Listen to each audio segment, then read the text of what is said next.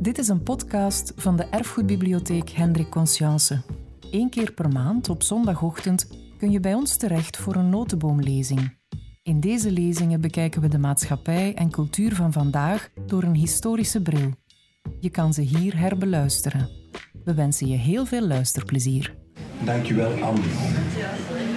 Ik doe dan toch nog even een microtest. Is het zo tot van? Ja. En is het zo niet te luid voor de mensen op de eerste rij? Uitstekend. Dames en heren, uh, beste vrienden. Ik ga nog even vertellen uh, waarom ik vandaag hier zit als, als gastspreker. Jan Cox. Ik woon nu zeven jaar in Boeghout. Jan Cox heeft ook in Boeghout gewoond en is in Boeghout gestorven, is in Boeghout vermoord. Dit is een atelier aan de Molenlijn. Zeven jaar in Boeghout. Drie jaar geleden ben ik gevraagd door de uh, inrichters van de Jan Cox wedstrijd voor schilderkunst om deel uit te maken van de jury voor, voor die prijs. En nieuwsgierig als ik ben, ik aan de vraag gesteld, wie is die Jan Cox? Eh, omdat dat iedereen dacht dat het over de andere Jan Cox ging, waar Anne ook al heeft over gesproken. En eigenlijk het enige wat de inrichtende uh, instantie toen mij wist te zeggen is dat Jan Cox, zeker niet die Jan Cox was met X, dat die Jan Cox met CKX in Boeghout heeft gewoond en vermoord is in zijn eigen atelier. En eigenlijk meer wist men niet. Ik heb heel snel contact opgenomen met een paar mensen die in de molenlijn wonen, die mij uh, het ongelooflijke spannende verhaal hebben gedaan dat u in de loop van dit uur zult krijgen. Uh, mensen die getuigen zijn geweest, die ondervraagd zijn geweest. Ik ben met, met dat verhaal terug naar het gemeentebestuur gegaan. In de eerste plaats toch uh, de burgemeester en chef van cultuur Koen Seijn. En het is dan toch ook zijn politieke verlies dat hij de centen voor heeft gevonden om mij met het onderzoek te belasten en de opdracht om daar een tentoonstelling in een boek uh, mee te maken. Dit is de molenlijn, molenlijn 39. Het atelier van Jan staat dus eigenlijk niet op de rooilijn staan, maar, maar van achter eigenlijk waar, waar uh, in, de, in de tuin de bedoeling was dat er nog een woonhuis zou komen op de rooilijn, maar daar waren blijkbaar de centen niet meer voor. Even op wandel door Boeghout. Dit is het kerkhof van Boeghout met dan de grafstenen van de belangrijkste uh, schilders, tekenaars. Op de voorgrond is het graf van Adriaan van Raamdonk, een cartoonist. En zoals u kunt zien staan er op dat graf ook nog bloemetjes. Links daarvan is het graf van Jan Cox, dat er helaas en na al die jaren verwaarloosd bij ligt. En eigenlijk is de man zelf hetzelfde lot beschoren in de zin dat uh, 34 jaar na de moord is er eigenlijk geen enkele uh, overzichtstentoonstelling gemaakt, behalve dan in de jaren 80 een, een tentoonstelling met keram keramisch werk. Het was ook een hele belangrijke keramist. En eigenlijk is de man, um, behalve dus natuurlijk waar is blijven verder leven in de, in de populaire boekjes, in de sensatiebladjes rond, het, uh, het onopgeloste moordverhaal, als kunstenaar totaal in, in vergetelheid geraakt. Dit was natuurlijk ook heel prettig omdat het terrein wat dat betreft volledig braak lag. Dit is Jan Cox eigenlijk in de glorie van, van zijn, zijn artistiek kunnen, 1947. En toch is er ook iets in die blik, iets, iets melancholisch, iets ondervragend, omdat de man uh, niet ongedeerd uit de Tweede Wereldoorlog is gekomen. Ik ga u daar straks meer over vertellen.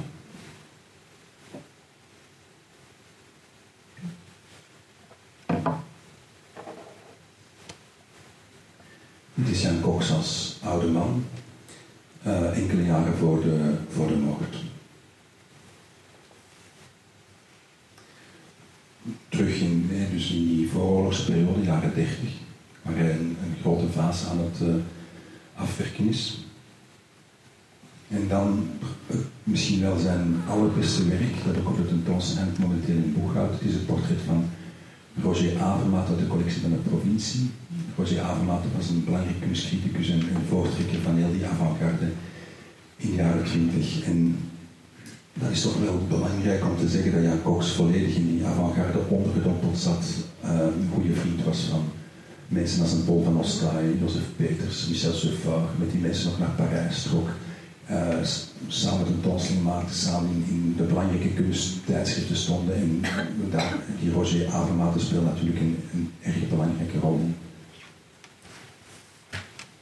Een andere belangrijke rol uh, was weggelegd voor deze man. Dit is Maurice van Essen. Dit is de oprichter van het tijdschrift, kunsttijdschrift Saira.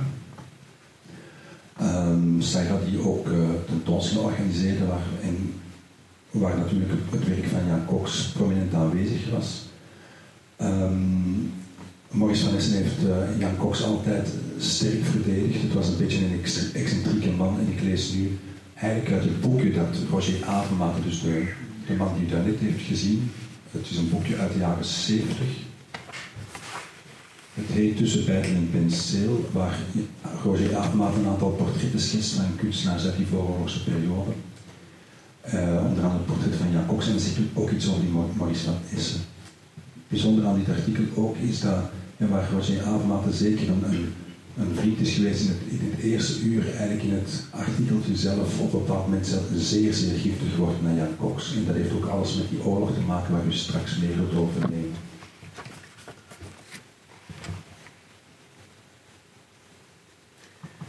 Hij, het gaat in de eerste plaats over Jan Cox. Hij betrok een atelier in een achtergebouw gelegen aan de Klapijstraat te Antwerpen. En had als buurman een curieuze man die hij zowat, als esthetisch proefkonijn gebruikte, Maurice van Essen, was een soort hoogstoel met literaire bevliegingen en zou later een der medestichters van Saira worden. Hij was vrijgezel en toen nog verschoond van vrouwelijke relaties die hem later wel enige kommer zouden bezorgen. Van uiterlijk een kluitje dan, altijd even streng gekleed en behept met een paar rare ideeën, zo bijvoorbeeld het zelf bereiden van de medicijnen die hij nodig had. En dat zonder speciale vorming, want hij was gewoon bediende bij een paraplufabrikant. Jan Kok stelde hem voor zijn interieur te moderniseren en Maurice van Essen leende zich voor het experiment. De oude lessenaar eikenhout met gebeitelde leeuwenkoppen werd onder handen genomen en de leeuwen verdwenen onder gekruiste rode en groene strepen. En aangezien de stoelen te ouderwets waren, ondergreep Jan Cox een nieuw model zetel geheel in rechte lijnen met scherpe kanten harde proef voor het zitvlak van de gebruikers, maar die zetels waren in vermiljoen geschilderd. En dat had men nog nooit gezien in onze gewesten. De houten vloer in ultramarijn gezet en de muur in oker.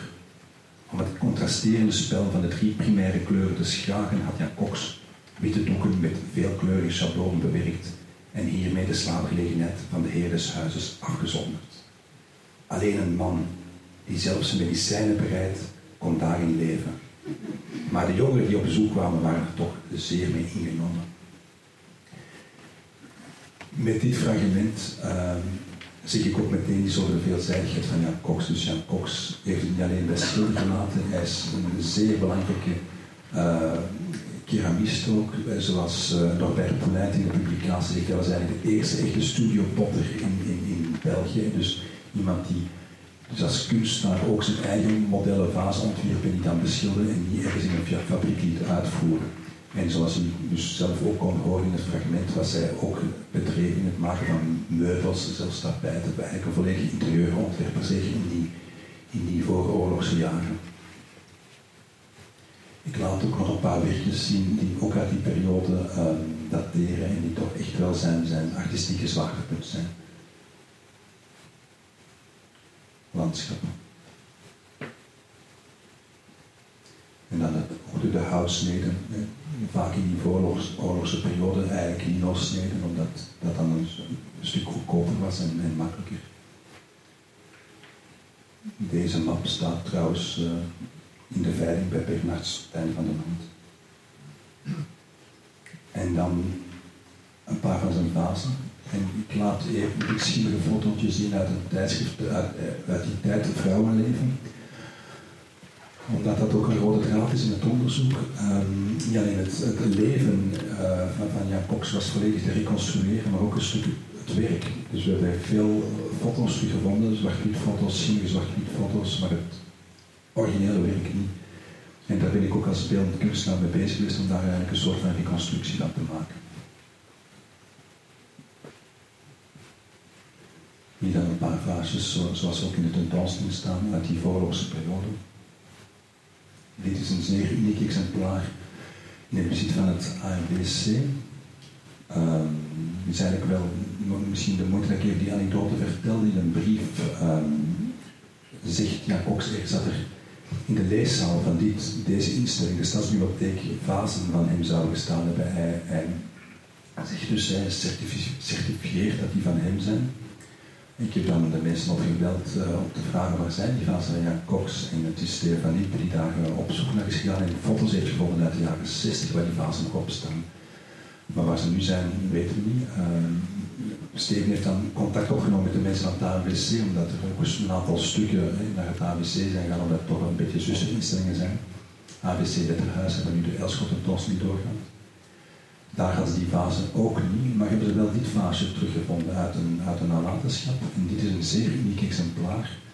En je kan heel goed zien ook aan de um, afbeeldingen van de verfmaak dat dit eigenlijk een, bestaande vaas is die Jan Cox gewoon heeft overschilderd met lakverf.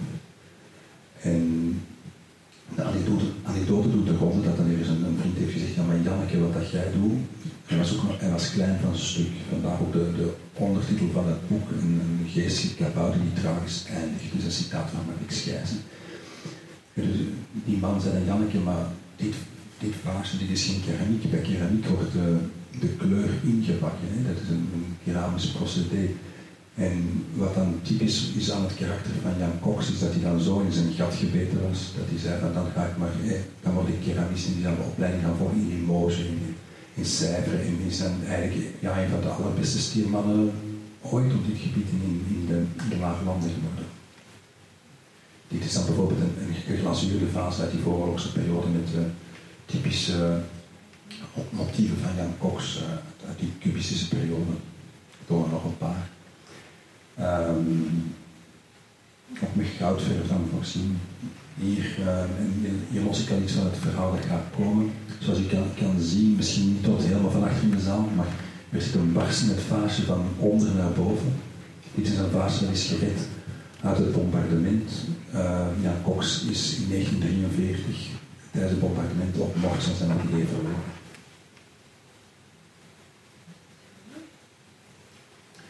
Nog even ook een affiche uit het jaar 1926 waar je kan zien dat Jan Cox een even grote naam is als Joseph Peters of Victor Franks. En dan dit. In 1976 kunstschilder Jan Cox de Boeghout vermoord. Um, een tragisch einde.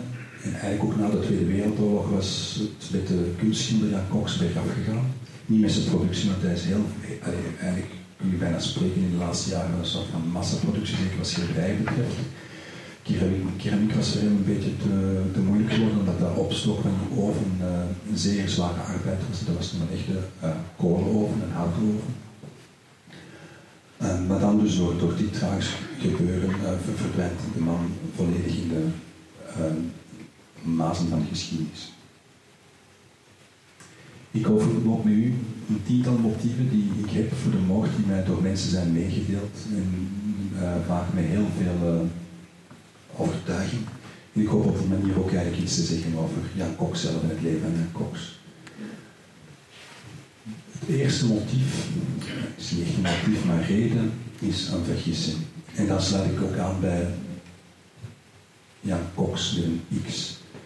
Um, een familie heeft mij gezegd dat ja, Cox met X, die um, was net terug uit Boston, uit de Verenigde Staten. En dus die zijn geboren in Den Haag.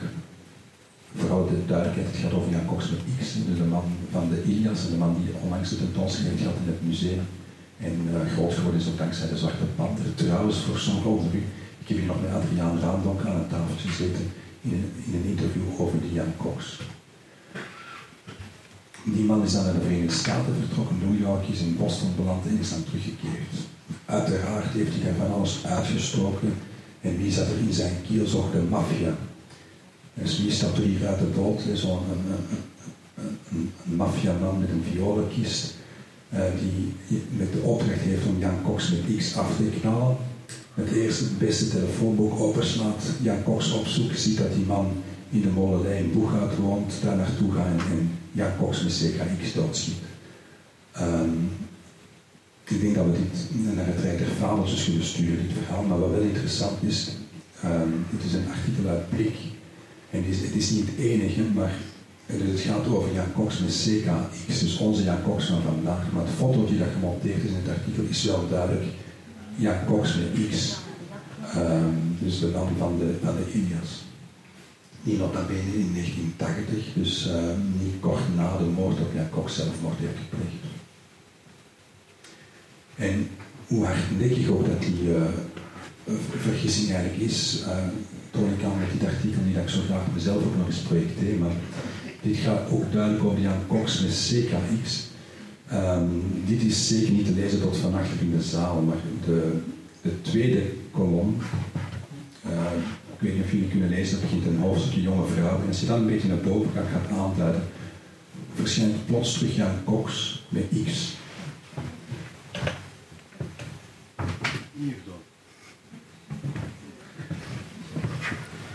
Ik zat trouwens uh, twee weken geleden op de tentoonstelling uh, voor, permanentie en daar kwam een, een, een koppel binnen. Uh, en de reactie was, verdorie, er zijn meer Jan Koksen. Dus die, waren ook naar een speciaal naar Boeghout gereisd voor de voyage. En dat kan jullie ook al meteen aan, aankondigen. Jullie kunnen vanmiddag naar Boeghout. Dus, nog altijd de tentoonstelling Koks die dan loopt in het theater vooruit. Maar ik heb ze dan toch met, het, met een smeuig verhaal over, uh, het, Koks kunnen, kunnen paaien om de tentoonstelling te bekijken. En ze, alleen, ze hebben dat dan toch met heel veel uh, aandacht gedaan. Maar ze kwamen eigenlijk voor de andere Koks. Een psychiatrisch patiënt. Dit is een uh, foto uit waarschijnlijk de jaren 60. Um, het opvallende Witte Huis, links onderaan de foto is het atelier van Jan Cox. Zoals u kunt zien, zoals ik heb gezegd bij de foto, ik heb laten zien dat atelier dus niet op de rooilijn, maar eigenlijk in het midden van de, van de tuin nog. Daar waren nog um, kleine tuintjes en daarnaast is eigenlijk een stukje bos. En dan als, als je nog verder naar, naar links gaat, dat is de spoorlijn Antwerpen-Lier. Uh, dan verder door Luik natuurlijk. En als je die spoorweg oversteekt, dan kom je op de provincie Steenweg en daar heb je het instituut van de gebroeders Alexianen, een psychiatrische instelling. Dus de, het was niet moeilijk om als psychiatrisch patiënt om daar de spoorweg over te steken door het bosje, de bosje door te dringen en dan over het muurtje te klimmen en dan uh, van, ja, in de band van een of andere psychose uh, ja, af te knallen. Dit verhaal klopt ook niet, omdat um, de moordenaar heel goed wist uh, hoe het leven van Jan Cox gestructureerd was. Want alle rolluiken waren dicht, behalve een klein rolluikje van achter van het, bij, van het bijkeukentje, waarlangs eigenlijk de poezen binnenkwamen. Dus de, de, man die van daaruit heeft geschoten was niemand die in een soort van waanzin dat dat huis is, is binnengedrongen en is beginnen schieten, maar heel goed wist wat hij wilde bereiken. Dit is uh, een teken van, van van den Dries, um, een zeer verdienstelijk uh, tekenaar uit, Boeghout. Vanuit zijn atelier 1975, dus één jaar voor de moord. En um, je, dus je, ziet eigenlijk vanuit zijn atelier in de voorgrond de tuin. En dan zie je die parallele lijnen van, van links naar rechts, dat is eigenlijk opnieuw die spoorweg. Dus uh, Lier, Antwerpen. En dan zie je um, achter de, de, bomen, ik denk een perenboom in bloesem, zie je dan het, het, het, grijze dak, dat is het atelier van Jan Cox, met, het, met het schroutje van de, van de keramiekoven. En waar je natuurlijk kunt zien dat je heel makkelijk eigenlijk tot, tot inderdaad bij die, um, bij die tuinmuur komt. En als het dan inderdaad een beetje uh, donker is op de, de, de, de avond, de zomeravond, dan zou dat wel vrij ongemerkt kunnen, kunnen gebeuren. Ik ben eigenlijk vergeten, dat wil niet doen voordat ik met de verschillende motieven kom, om nog even het, toch de feiten te schetsen. Daar haal ik even een tekst bij dat ik daar geen uh, foute informatie mee geef. Woensdag 25 augustus 1976 is eigenlijk nog een, een buurvrouw met Jan Cox naar de markt in, in Mortsel gegaan. Zij is nog mee naar huis gegaan en heeft nog een, een, een glaasje, ze heeft nog een glaasje samengedronken. En dan moet Jan Cox hebben gezegd van, uh, dat hij het weekend zou doorbrengen of de volgende dagen bij vrienden in Dist. Um, die mensen die zorgen nog een beetje voor Jan Cox en hebben dus um, de volgende dagen, als dan de rolluiken niet opengingen, eigenlijk ook geen vragen gesteld omdat ze ervan uitgingen dat Jan Cox in Dist zat. En dan donderdagavond rond 9 uur, 26 augustus, dus vol, volop zomer, na zomer is Jan Cox dan uh, vermoord met vijf schotten door zijn hoofd van vlakbij afgevuurd, frontaal. Dus er zijn eigenlijk acht kogels afgevuurd van, van een, uh, um, waarschijnlijk een automatisch geweer, uh, waarvan er dus, de kogelinslagen in de muur zijn gevonden. De kogelhulzen liggen lagen op het terrasje voordat het, het, het, het rolluik op was.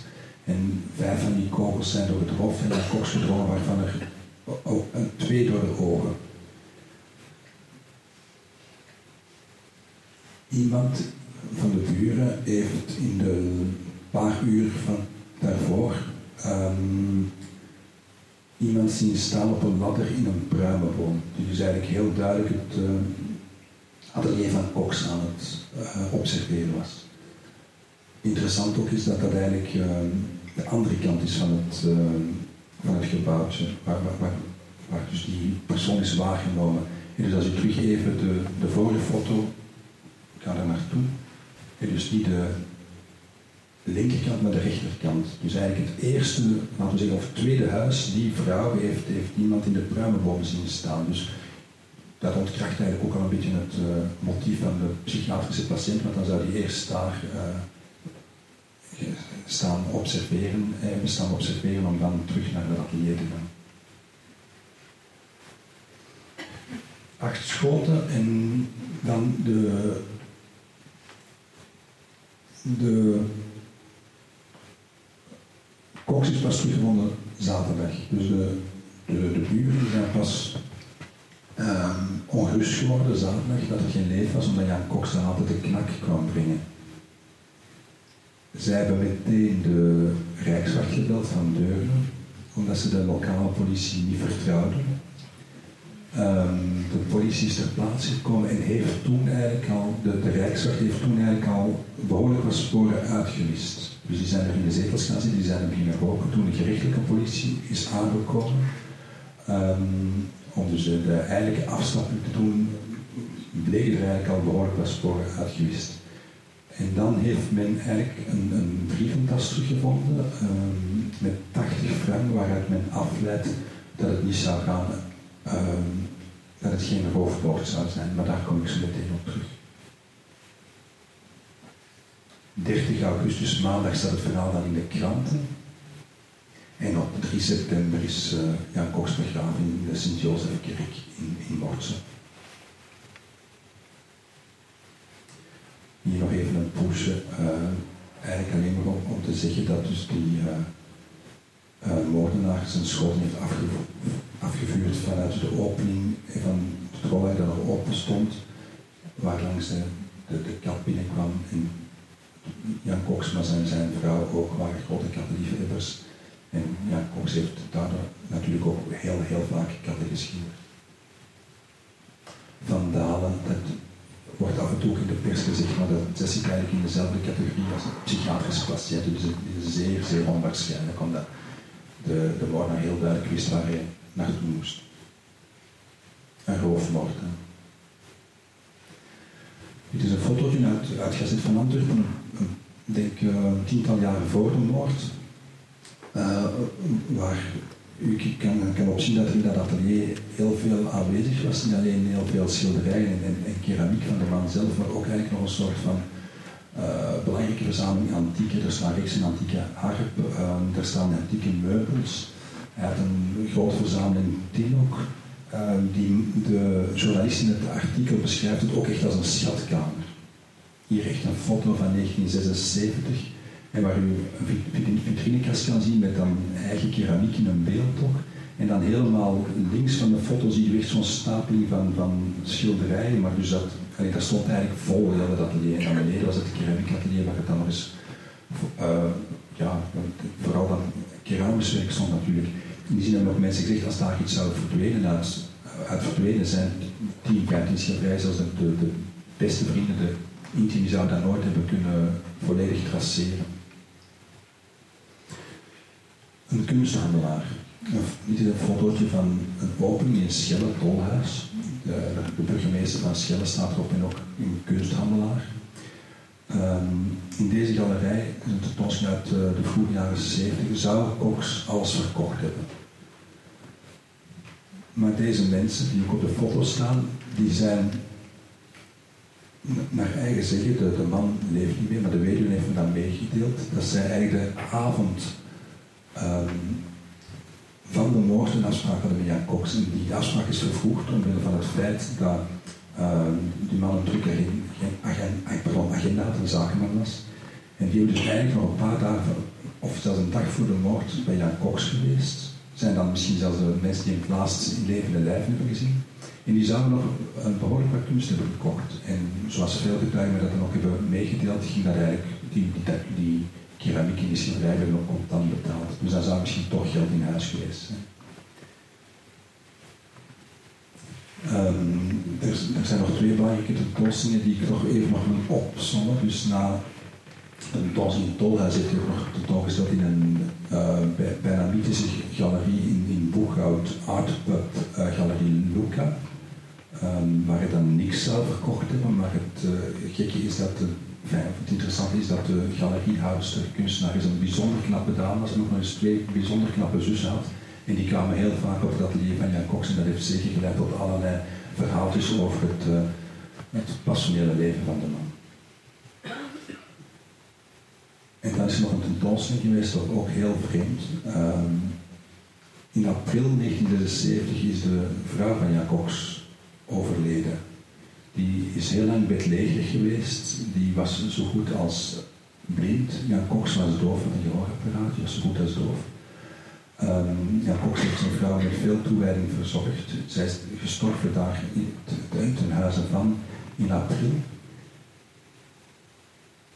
En dan, in april heeft Jan Cox een tentoonstelling gedaan in Kessel, in Galerie Bernards, dus een man van, van de veilingen, van het, het veilingshuis. Uh, men heeft toen Jan Cox gevraagd, wil je dat wel doen, die tentoonstelling? Dus zijn vrouw was pas overleden, hij heeft dat toch gedaan. En ik heb ook vernomen dat daar op die tentoonstelling is verkocht en die, die tentoonstelling is teruggekomen naar het atelier met de vrachtwagen. Die moet ook een paar dagen eigenlijk, of een paar weken voor de moord daar gearriveerd zijn, want de laatste nog afgevraagd is, dat werd überhaupt wel terug, teruggekeerd. Wraak. Dit, uh, in wraak maakt het onderscheid tussen een aantal motieven die, die tot wraak kunnen leiden. En nu ga ik jullie eindelijk dat verhaal doen over de oorlog. Zie is hier een luchtfoto van de geallieerden met uh, links bovenaan een B-17 Flying Fortress, uh, Amerikaanse bommenwerper. En uh, zoals je kan lezen, hij zwingt uit richting vlieghaven Deurne. Dus de precisiebombardementen van toen uh, waren van die aard dat uh, in april 1943 het uh, stadscentrum van Morsel eigenlijk is platgelegd met alle mogelijke civiele schade van die, de, de vele burgerslachtoffers. Um, de bedoeling was eigenlijk om de Erla-fabrieken te treffen. Dus rond de luchthaven, rond de krijgsbaan hadden de, de, de Duitsers eigenlijk de oude fabrieken van de, van de Minerva-auto's uh, omgebouwd tot de Erla-fabriek waar Messerschmitts werden gerepareerd en geassembleerd. Het was de bedoeling om dat te treffen, maar uh, jammer genoeg zijn die, zijn die bommen op het centrum van Morsel terechtgekomen.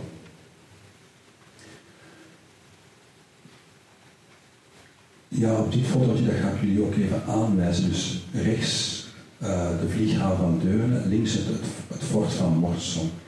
En die is ook een foto van de geallieerden kort na het bombardement. Er hangen nog rookwolken en dus met, uh, met witte cirkeltjes. Dus een beetje hetzelfde als bij de, bij de gerechtelijke politie, wat ik, heb gezien in foto's bij de gerechtelijke politie natuurlijk van die afstapping.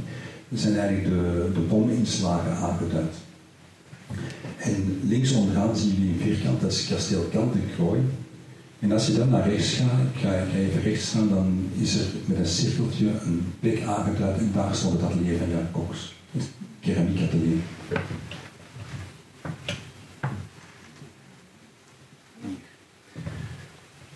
Het is zo dat Jan Cox in, tijdens de oorlog in de Stanleystraat woonde in Antwerpen, uh, dus de achterkant van Berchem station, maar een atelier had in een oude failliete beddenfabriek, die daar eigenlijk vlak bij de luchthaven van Deur lag. Dus het, het gekke is ook dat, en dit zijn ook al afgebouwde bommen, die in zekere zin wel dichter bij de terecht terechtgekomen zijn, maar dus het gros van de bom die kan, kan u eigenlijk niet op de foto zien, want dat, dus het centrum van Mortse ligt net boven de foto, is daar terechtgekomen en er zijn dus een aantal bommen daar nog in de, in de buurt van de luchthaven terechtgekomen en, en een van die bommen heeft dus het, het, atelier van Cox getroffen.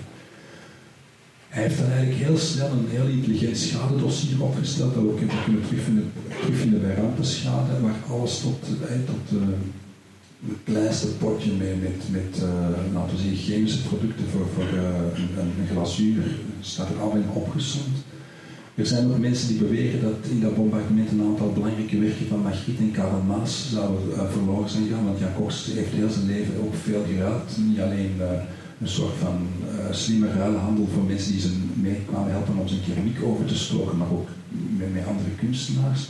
In ieder geval, hij heeft daar een gigantische schadevergoeding voor gekregen in de jaren 50, waarmee hij dan het atelier heeft, uh, heeft opgebouwd in, in Boeghout. Maar nu ga ik u vertellen waarom hij waarschijnlijk in Boeghout is terechtgekomen en in Antwerpen is gebleven. Hier nog even een uh, foto uit het dossier, dus de, de, de krater waar, waar dus het atelier was. En deze fotootjes van voor de oorlog om toch een beeld te geven dat de atelier echt wel volgestouwd stond met, met, met werk. Dit is een brief van uh, de vrouw van Jan Cox, Gabi Broeks, aan die Maurice van Essen, die ik jullie daar straks ook heb laten zien, en zijn vrouw Bert. En ik ga met, met jullie helemaal naar onder, dus eigenlijk de vierde laatste regel, daar schrijft de vrouw van Jan in 42. Jan komt waarschijnlijk einde maand voorgoed naar huis. Hij kreeg opdracht hetzelfde werk te verrichten, maar naar het oostfront wat ik niet wil, enzovoort, enzovoort.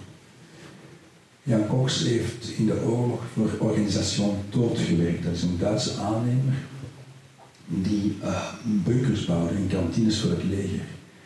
Um, op dit moment van het schrijven zit Jan Cox in Bretagne en heeft daar waarschijnlijk bunkers gedecoreerd.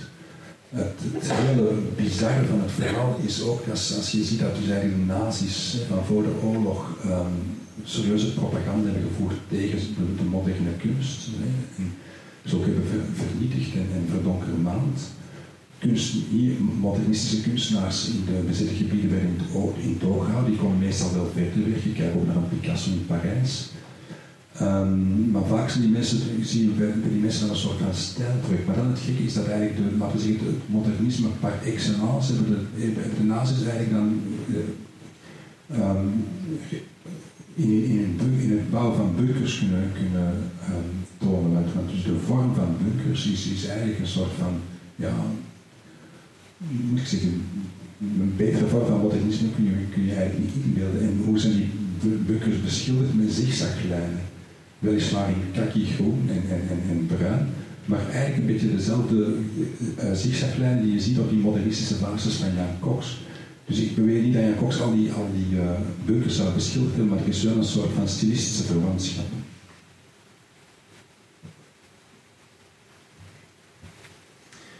En een andere brief uit, uit 41, um, dus opnieuw aan, aan Maurice van Essen, maar dit is het handschrift van Jan Cox zelf.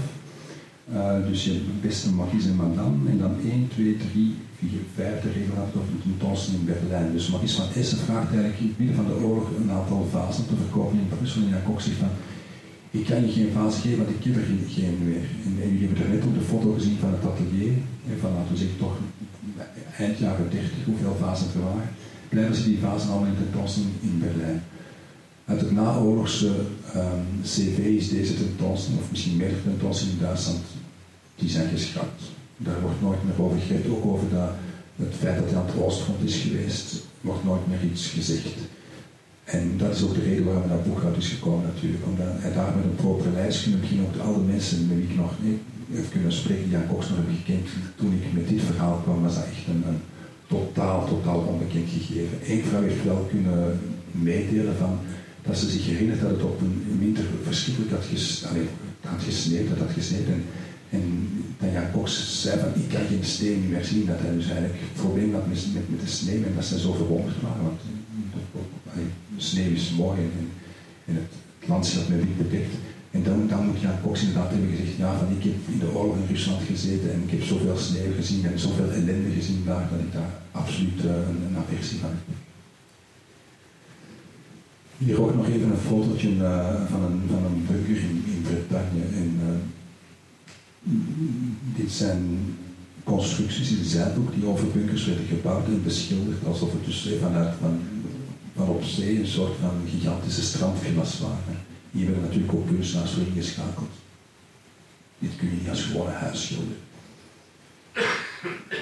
En dan een bijzondere verwantschap toch tussen een, foto van uh, La Cité d'Alais uh, bij Dinard. Dus een, eigenlijk een, een, een, fort van Vauban waar de Duitsers bovenaan bunkers hebben gebouwd. En in de Tweede Wereldoorlog en dan een, een schilderij van uit de jaren 70 denk maar typisch naar Cox is dat eigenlijk heel veel uit het geheugen schilderde. En ik denk dat het om dezelfde cité gaat. Maar natuurlijk geen bewijzen, maar de bewijzen zitten dan in de brief. Ik laat dat oorlogsverleden zien omdat een paar mensen beweren dat, uh, um, Cox vermoord zou zijn omwille van een wraakneming uit, uit eigenlijk iets dat zou gebeurd zijn in die oorlog. Um, lijkt ook nogal waarschijnlijk natuurlijk als je, aanneemt dat hij alleen maar zou hebben gedecoreerd, uh, bunkers hebben beschilderd, kantines. En, maar er is ook ergens een heel moeilijk te, te situeren uh, verhaal in de tijd over het bewaken van een kamp. Uh, daar heb ik op dit moment ook voor de rest geen enkel ander uh, schriftelijk of, of bewijs in een archief van teruggevonden. En dan is natuurlijk geopperd dat, dat de moordenaar van dicht in de buurt zou zijn. En zoals hier in het uh, krantenartikel geveld door onbekende bekende.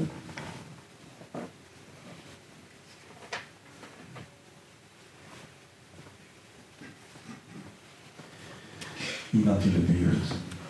En dan komen we bij het, motief dat eigenlijk het, uh, het meest ook in de, in de pers is uitgesmeerd. En in het uh, onderzoek van de gerechtelijke politie is eigenlijk toch ook een hele belangrijke piste geweest. En dat is het, het passionele motief. Uh,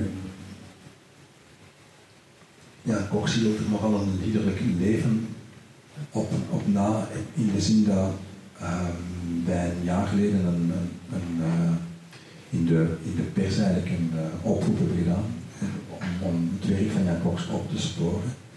En in de mensen die zich toen hebben gemeld zat zo eigenlijk wel een, bizarre constante. Dat is dat er eigenlijk vrij veel dames die nu, laten we zeggen, uh, 50, 60 jaar zijn, met één of twee werken van Jan Cox zaten. En als we dan de verhalen erbij zijn gaan optekenen, dan blijkt dat Jan Cox gigantisch veel werk heeft rondgedeeld. Uh, ik zal zeggen aan het, de dame van de kaasafdeling van de plaatselijke supermarkt De Wolf, of aan een verpleegstertje die, die, kwam, of een, een dame die keramiekles, een jong, jong meisje, eigenlijk 16 jaar, die keramiekles kwam volgen op woensdagnamiddag een buur, buurmeisje. En eigenlijk is het een ongelooflijk intelligente manier ook geweest om zijn werk te, te parkeren. Want die, die, die dames, die, die koesteren dat werk ook en, en, en houden ook ongelooflijke fijne herinneringen. En nog altijd, dat ze, je ziet ze echt hun oogjes twinkelen als, alsof je ja, koks, koks praten. Um, en wij vermoeden ook, als, als we dan een beetje, uh, een beetje doorgaan en tussen de regels uh, kunnen lezen, dat bij dat um, uitdelen van die schilderijen, die keramieken, dan ook af en toe wel eens een, een, een, antiek juweel en zo, dat daar ook een, een zekere vorm van ruilhandel moet geweest zijn. Er is toch iemand die ons heeft gezegd dat, dat is in ruil voor een, gigantisch groot schilderij van, laten we zeggen, een meter 20 of 80, uh, dat ze daarvoor een dikke kus heeft gegeven. Dit schilderij stond in het atelier van Jan Cox toen is vermoord. Het is een onafgewerkt schilderij. En dit schilderij heeft ook tot heel veel speculaties geleid van wie is een naakte dame in, het deurtje, van welke, eh, de, de van welke Boeghoutse dame kunnen we daarin herkennen. U, u, weet het. Dat zit toch de houding van van Ah, kijk, dat is, dat is een interessante opmerking. Dus mevrouw zei dat is de, de houding van de Venus van Botticelli. Het is zo, dat schrijft Marnix Schijzen ook in zijn memoriam. Ehm, de vrouw van Jan Cox, Broeks, was waanzinnig jaloers. En hij zegt dan, en ik denk dat ze er ook wel reden toe had. Um, het was zo, dus die, die, die laatste jaren uh, van het leven van Jan Cox kwamen dus geregeld jonge vrouwen beneden in het atelier. Gabi Broeks was bedlegerig en die begon dan als ze um, vrouwenstemmen in het atelier gigantisch te, te brullen en, en, en, en dus, waardoor die bezoeken zeer onaangenaam waren. En men vermoedt dus ook dat Jan Cox eigenlijk nog heel moeilijk met modellen kon werken, wat hij zeker heeft gedaan in de jaren 20. Waarschijnlijk is het dan zelfs zijn eigen vrouw geweest. Maar in die naoorlogsjaren schilderde Jan Cox naar de boekspus. En niet zozeer naar de kunstboekspus, maar de, de, de pornoplaatjes, bij de seksboekspus van die tijd, de, de zo. Dus hij had daar een, een bijzondere verzameling van in zijn atelier. Dat door verschillende uh, mensen die ook hebben gekend ook bevestigd. En wat hij dan ook vaak deed, uh, heb recent nog gehoord van iemand, is dat hij eigenlijk de, de, de, de lijven schilderde uit de boekjes, maar dat hij wel de koppen opzette van zijn vriendinnen aan het boekhoud. Wat, wat tot heel veel verwarring, dus, uh, heel veel verwarring, bracht. en dus ik heb het verhaal opgetekend ook van een, een dame die ook zo een, op, met haar man dan op een tentoonstelling een werk en die man zegt, ja maar dat ben jij. Dus nou, hij zegt, ik heb, ik heb nooit voor Cox geposeerd. Dat is dus eigenlijk een soort van assemblage. En de man gaat het dan aan ja, ja, Cox vragen, je moet dan ergens het antwoord hebben geven van uh, wat een vraag voor u is, is voor mij weten. Kijk, dit is zo'n een, een, schilderij met Madame uit de boekjes.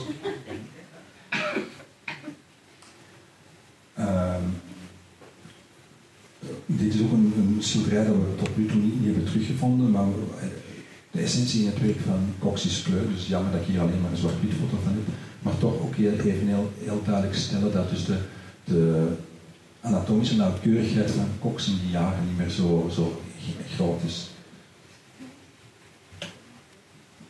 Cox had, kinderloos, um, maar, en dat is mij dan ook uh, medegedeeld, er zou een kind zijn, een natuurlijk kind.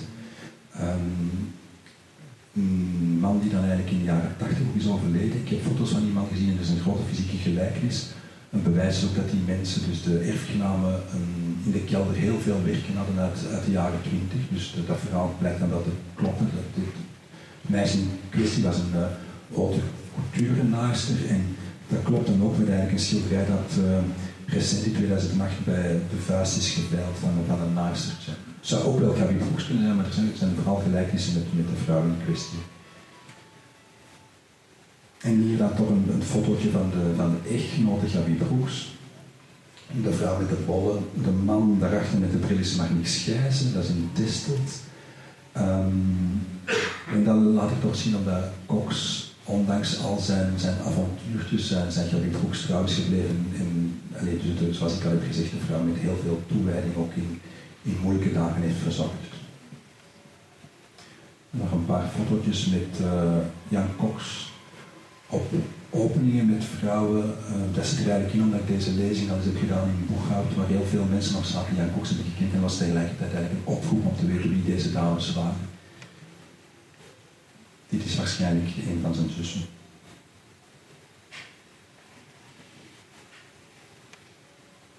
Een familielid. Dit komt uit het Vreemdelingenregister uh, in het Felix-archief. Uh, Pietro Paul Canova, man van Gabriela Broeks, geboren in Biella 1881. Het is zo dat dus de, de vrouw van Jan Cox, waarvan u net een foto hebt gezien, Gabi Broeks, die is in um, ehm, 1911 getrouwd geweest met zeker Pietro Paul Canova. Um, man was ingenieur en bestuurder, zo blijkt uit het archief uh, was eigenlijk pas aangekomen in Antwerpen. Ik kijk even op mijn lijstje. Uh, 1910, ik denk zelfs, ja, voilà. hij is ingeschreven in het vreemdelingenregister in november 1910. En januari 1911 trouwt hij met Gabi Brooks. Er is blijkbaar iets zeer stormachtig gebeurd, vooral als we dan zien dat een zoon hebben, Oscar Canova, die geboren is op 6 augustus. Dus, dus zij was zoon van, van de man. Um, zij is dan blijkbaar, als we het een beetje kunnen afleiden uit, die ambtelijke stukken, uh, met een man naar Italië vertrokken en het, kind. En is heel snel teruggekomen. In 1913 wordt Gabi Broeks terug ingeschreven in het vreemdelingenregister van de stad Antwerpen als vreemdelingen. En met een, met een Italiaanse domicilie. En dan is die duidelijk, want, want volgens dat register is het kind er weer is die Oscar Canova. Maar volgens alle verhalen die ik heb uh, gehoord, is die Oscar Canova eigenlijk bij zijn vader gebleven. In die zin heeft die, die heeft dan in, is in Italië opgegroeid, waarschijnlijk in Biella. En dan heb ik een paar bizarre gegevens uit de um, burgerlijke stand. Dus die Pietro Canova die is ergens eind 44 gestorven in uh, Lucerna San Giovanni, denk ik. Dat is ook onder Turijn, Noord-Italië. Biella is ook in de buurt van Turijn wat, een gebied is wat uh, zwaar is geteisterd door partisanenstrijd uh, op het einde van de oorlog. Dus ook die, die data, dat klopt nogal. Ik heb, ik heb geen enkel bewijs, ik weet niet van wat de man is, allez, wat de doodsoorzaak is van de man, maar het is wel, uh, valt dus samen met, eigenlijk de oorlogsschermutselingen. Um, maar heel gek is dat eigenlijk twee weken van, of drie weken voordien een, ook een document is teruggevonden van een scheiding van goederen tussen Canova en Brooks. Dus die mensen zijn nooit echt wettelijk gescheiden, maar er was wel een soort van document. Een paar weken na die. En dan gaat die Oscar Canova, maar dat, daar hebben we ook geen enkel bewijs van, vertrekt hij naar Argentinië. Um, en dan weten we ook van mensen die Cox zeer goed hebben gekend, dat er regelmatig brieven kwamen in de molenlijn van die Oscar Canova, waarin hij stelde dat hij geld nodig had. En mensen zeggen dat Jan Cox goed was voor deze wereld, dat hij dus ook heel regelmatig grote sommen geld transfereerde naar Argentinië. Het vervelende is dat die Oscar Canova niet hebben teruggevonden. Die is in rook opgegaan. Dus dat is ook een heel moeilijke uh, generatie om, om terug te vinden op, op het internet. Dus iemand die in 1911 is geboren, dus die zou vandaag uh, eh, 99 moeten zijn als ze nog in leven is. En het gekke is dat er tussen die Canova en Cox, tussen Argentinië en Boeghout, een tussenpersoon was. Um, ik ken het adres van die tussenpersoon. Die, die man uh, is in het verleden jaar in een rusthuis overleden.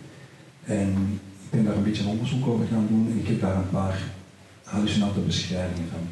Dus zij werd al door mensen die bij Jan Kok zagen als een, een, soort van griezelige, um, figuur beschreven, die, een vrij ruwe man.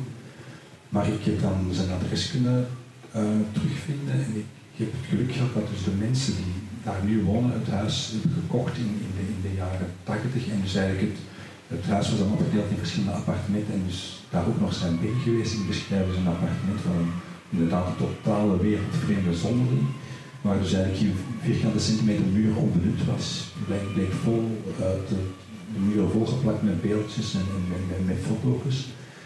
Um, verschrikkelijk ondergekomen, vuil. En dan ook een heel bizar detail is als, die man dan, het, was ook, het is een architect, als hij dan binnenkwam om het, uh, het appartement te, te bezoeken, moest je eigenlijk door een keukentje. In dat keukentje stond, is dat een paar keer geweest, stond eigenlijk altijd de kraan open. Uh, dus het water was altijd aan het stromen. En in die pompbak stond dan een, bizarre opstelling van een piramide van conserveblikken waar dat, water langs liep. En de architect heeft het ook nooit kunnen vragen, want dus die man uh, totaal niet communicatief was, ook geen woord zei. En heeft ook nooit geweten waarvoor dat diende. Um, er moet ook een schilderij van Jan Cox zijn geweest, een groot schilderij, dat in een erbarmelijke toestand was met waterschade en waar ook een aantal gaten in zaten.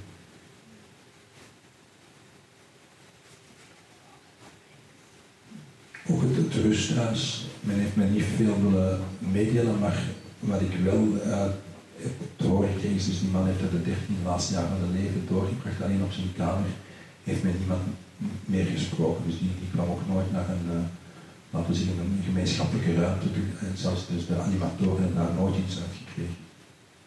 En dat is waarschijnlijk ook het, grote probleem geweest van de, de gerechtelijke politie in der tijd. Dat ze dus die man natuurlijk hebben gehoord, maar die was zo gesloten.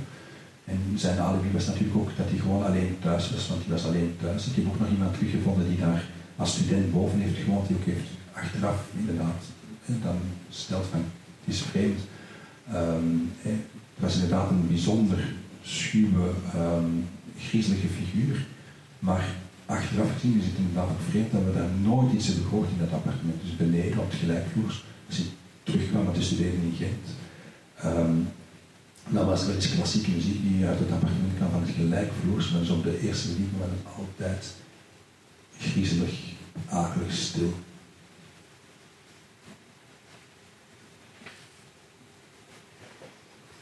Een testament. En we hebben wel de, even de, de familiale context geschetst. Iemand die zwaar is op de rooster gelegd en um, daar nog altijd behoorlijk uh, emotioneel letsel van heeft en dus daar nog eigenlijk altijd niet over kan praten, is een, iemand uit de buurt. En die in een testament bedeeld is met eigenlijk een heel groot stuk van de roerende goederen. En dat was ook heel bizar in de loop van, van uh, het hele onderzoek dat ik, ik ben daar geregeld geweest. En het huis hangt van boven tot onder vol met Jan Koksen. Um, en elke keer dat ik kwam, herken ik nog wel meer. Herken ik ook nog wel ergens een meubel of een, of een stuk dat ik dan ook zag op de foto's van Jan Koksen. Dus dan bleek eigenlijk dat, dat bijna die volledige inboedel bij die vrouw stond.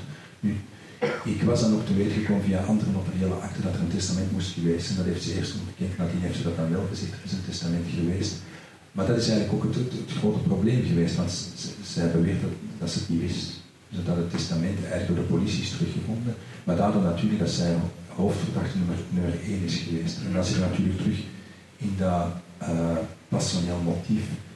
Nu, het gekke is dat ik recent heb gehoord dat er waarschijnlijk nog een, een tweede testament is gemaakt.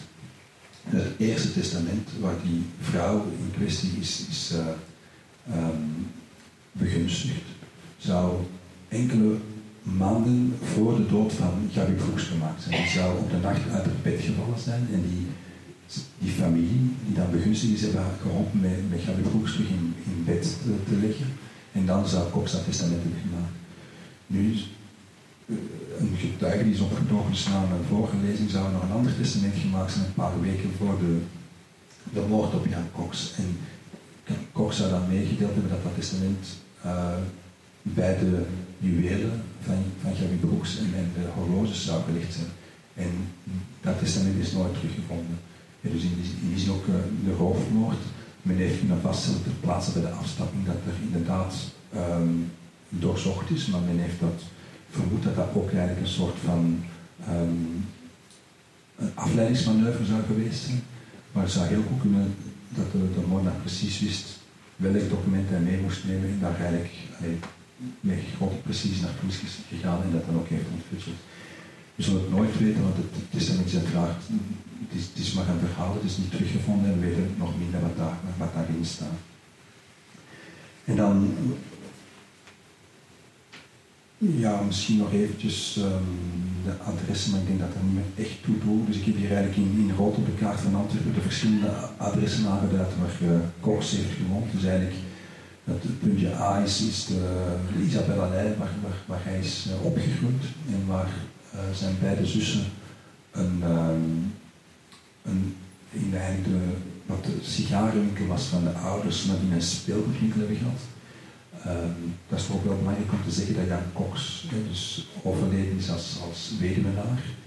Uh, geen, geen wet, wet, wettelijke kinderen had. Dat betekent dat ze eigenlijk de erfenis en nalatenschap van Jan Cox naar zijn twee zussen is gegaan, die, die hoogbejaard zijn en een paar jaar nadien ook gestorven zijn. En dan is eigenlijk die nalatenschap zoek. En dan eigenlijk de andere helft of een derde is naar die Oscar Canova gaan in Argentinië. Dat is ook heel onduidelijk hoe dat, dat geld via een tussenpersoon of een advocaat hier zou opgehaald zijn. En dan zie je bovenaan in de kaart Klapbijstraat, dat is eigenlijk zijn eerste adres in, uh, in Antwerpen, waar hij dan uh, een atelier heeft en dan eigenlijk de, alle straatnamen erboven, Lange Beeldelijke straat, Pollepelstraat, Minnevoederstraat, dat zijn adressen van, van Gabi Broeks en die, en, Pietro Canova, dus de vader van, van Oscar Canova. Dus, zij zullen elkaar dan waarschijnlijk hebben ontmoet als, buurtgenoten. En dan dus uh, langs de spoorlijn de Stadleestraat, waar Jan Koks woonde tijdens de Tweede Wereldoorlog, en dan de kant de Kroilaan, dus het atelier, en dan verder naar rechts beneden de molenlijn, waar je dan eigenlijk sinds de jaren 50 uh, heeft, heeft gewoond. Tot slot heb ik dan nog um, een van de, de speurders kunnen spreken, die op dit moment als hoogbejaarde man in, uh, in woont. En ik, vertelde hem dus dat ik bezig was aan de telefoon met het, onderzoek naar, naar Jan Cox en ook de voorbereiding van deze lezing toch even graag, graag sprak. En och, Janneke Cox, uh, een man werd echt zeer emotioneel aan de telefoon en zei ik heb daar toen dag en nacht aan gewerkt. Dus ik kon afleiden, het is een dossier dat eigenlijk nog altijd door de man zijn hoofd spoort omdat hij het niet heeft kunnen oplossen. En ik, ik heb hem gezegd, ja maar kijk, er zijn vermoedens geweest en ik denk dat het toch belangrijk is dat u mij helpt met, met wat ik weet. Omdat er vooral ook in de tijd die roddels zijn geweest rond, rond het passionele motief waar toen mensen echt een, families hebben eigenlijk zelfs totaal er ontvliegd zijn geraakt en, op een manier ook in de pers zijn voorgesteld die absoluut niet klopt. En, en achteraf kun je ook afvragen, het is natuurlijk een totaal andere tijd waarom dat die mensen, die, die journalisten geen, geen proces hebben aangedaan, dat er, zijn dingen geïnsinueerd die gewoon niet, kunnen. Uh, zelfs als het zou gaan om daders, maar dat doet het niet. En ik zeg hem, het zou toch fijn zijn dat we nu, 30 jaar datum, die roddels echt voor goed kunnen naar het Rijk der Vaders sturen. Vooral omdat we met een heel stevig uh, familiale motief zitten. En zegt hij, kijk meneer, ik heb daar in tijd ook alles gedaan om die roddels te bestrijden. Het is me, het is me niet gelukt.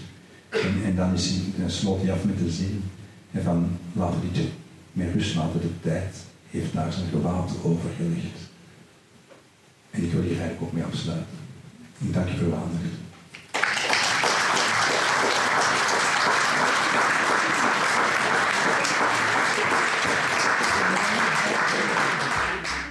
Je luisterde naar een podcast van de Erfgoedbibliotheek Hendrik Conscience. Wil je nog een andere lezing beluisteren?